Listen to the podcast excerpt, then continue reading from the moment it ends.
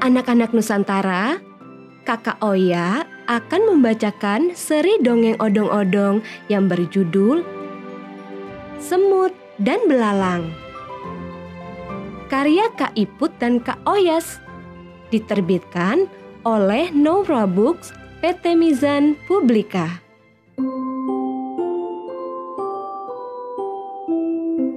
Kak Oya nggak sendirian loh. Ada teman Kak Oya namanya Cepi. Halo teman-teman. Kak Oya, kita mulai yuk. Ayo.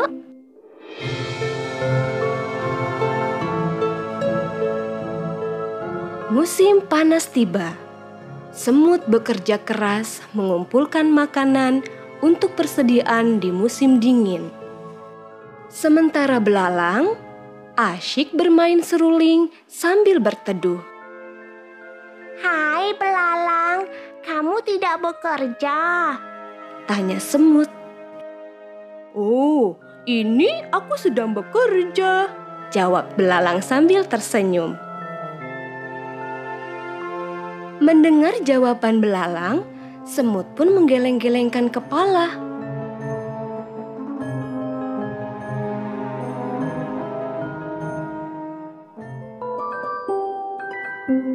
Musim dingin hampir tiba.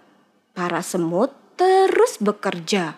Sementara belalang masih terlihat asyik bermain sendirian.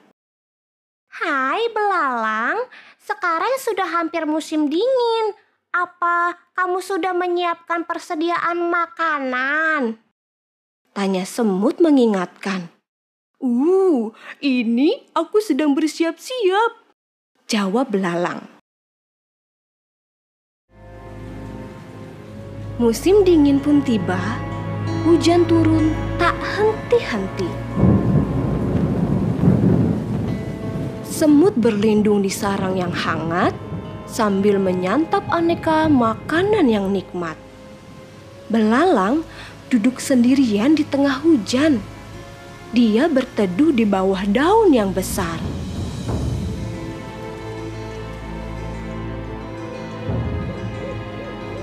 Semut melihat belalang di luar sana. Mereka merasa kasihan. Pasti belalang kedinginan dan kelaparan.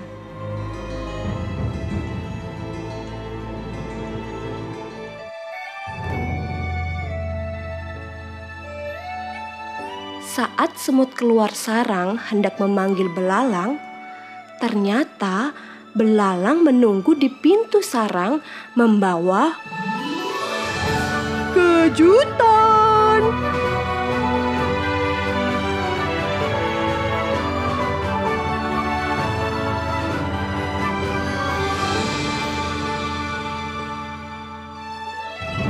Ternyata sepanjang musim panas, belalang sudah menyiapkan beragam permainan. Gelembung, lempar bola, lompat tali, dan banyak lagi.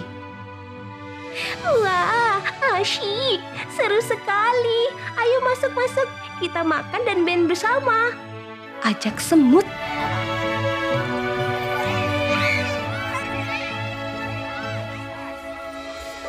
Benar-benar musim dingin yang menyenangkan.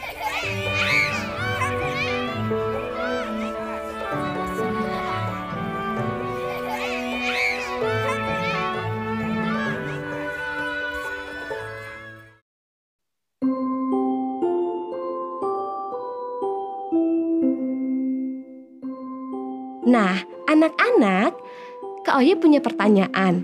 Seandainya semut membiarkan belalang di luar sendirian, apa ya yang akan terjadi?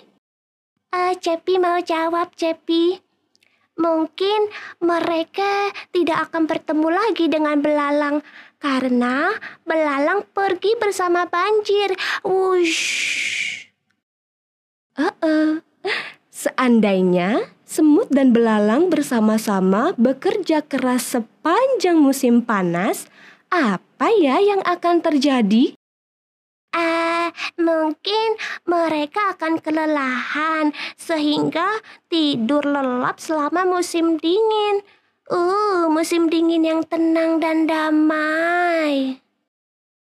Seandainya semut dan belalang sama-sama belajar memasak, apa ya yang akan terjadi? Mereka bisa membuat kue-kue lezat dari bahan makanan yang mereka kumpulkan. Satu kue ditukar dengan hasil kebun warga. Uh, banyak. Semut dan belalang bisa mendapatkan lebih banyak persediaan makanan. Seandainya tidak ada bahan makanan yang bisa dikumpulkan semut di sekitar sarangnya, apa ya yang harus mereka lakukan? Ah, apa ya?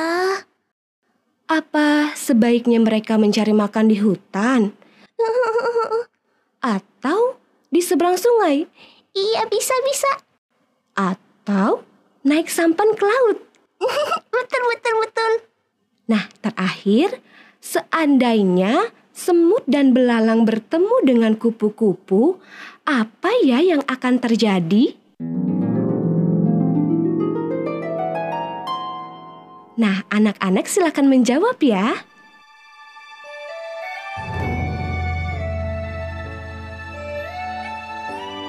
Demikian dongeng dari Kak Oya dan Cepi. Sampai bertemu lagi. Dadah, sampai bertemu lagi.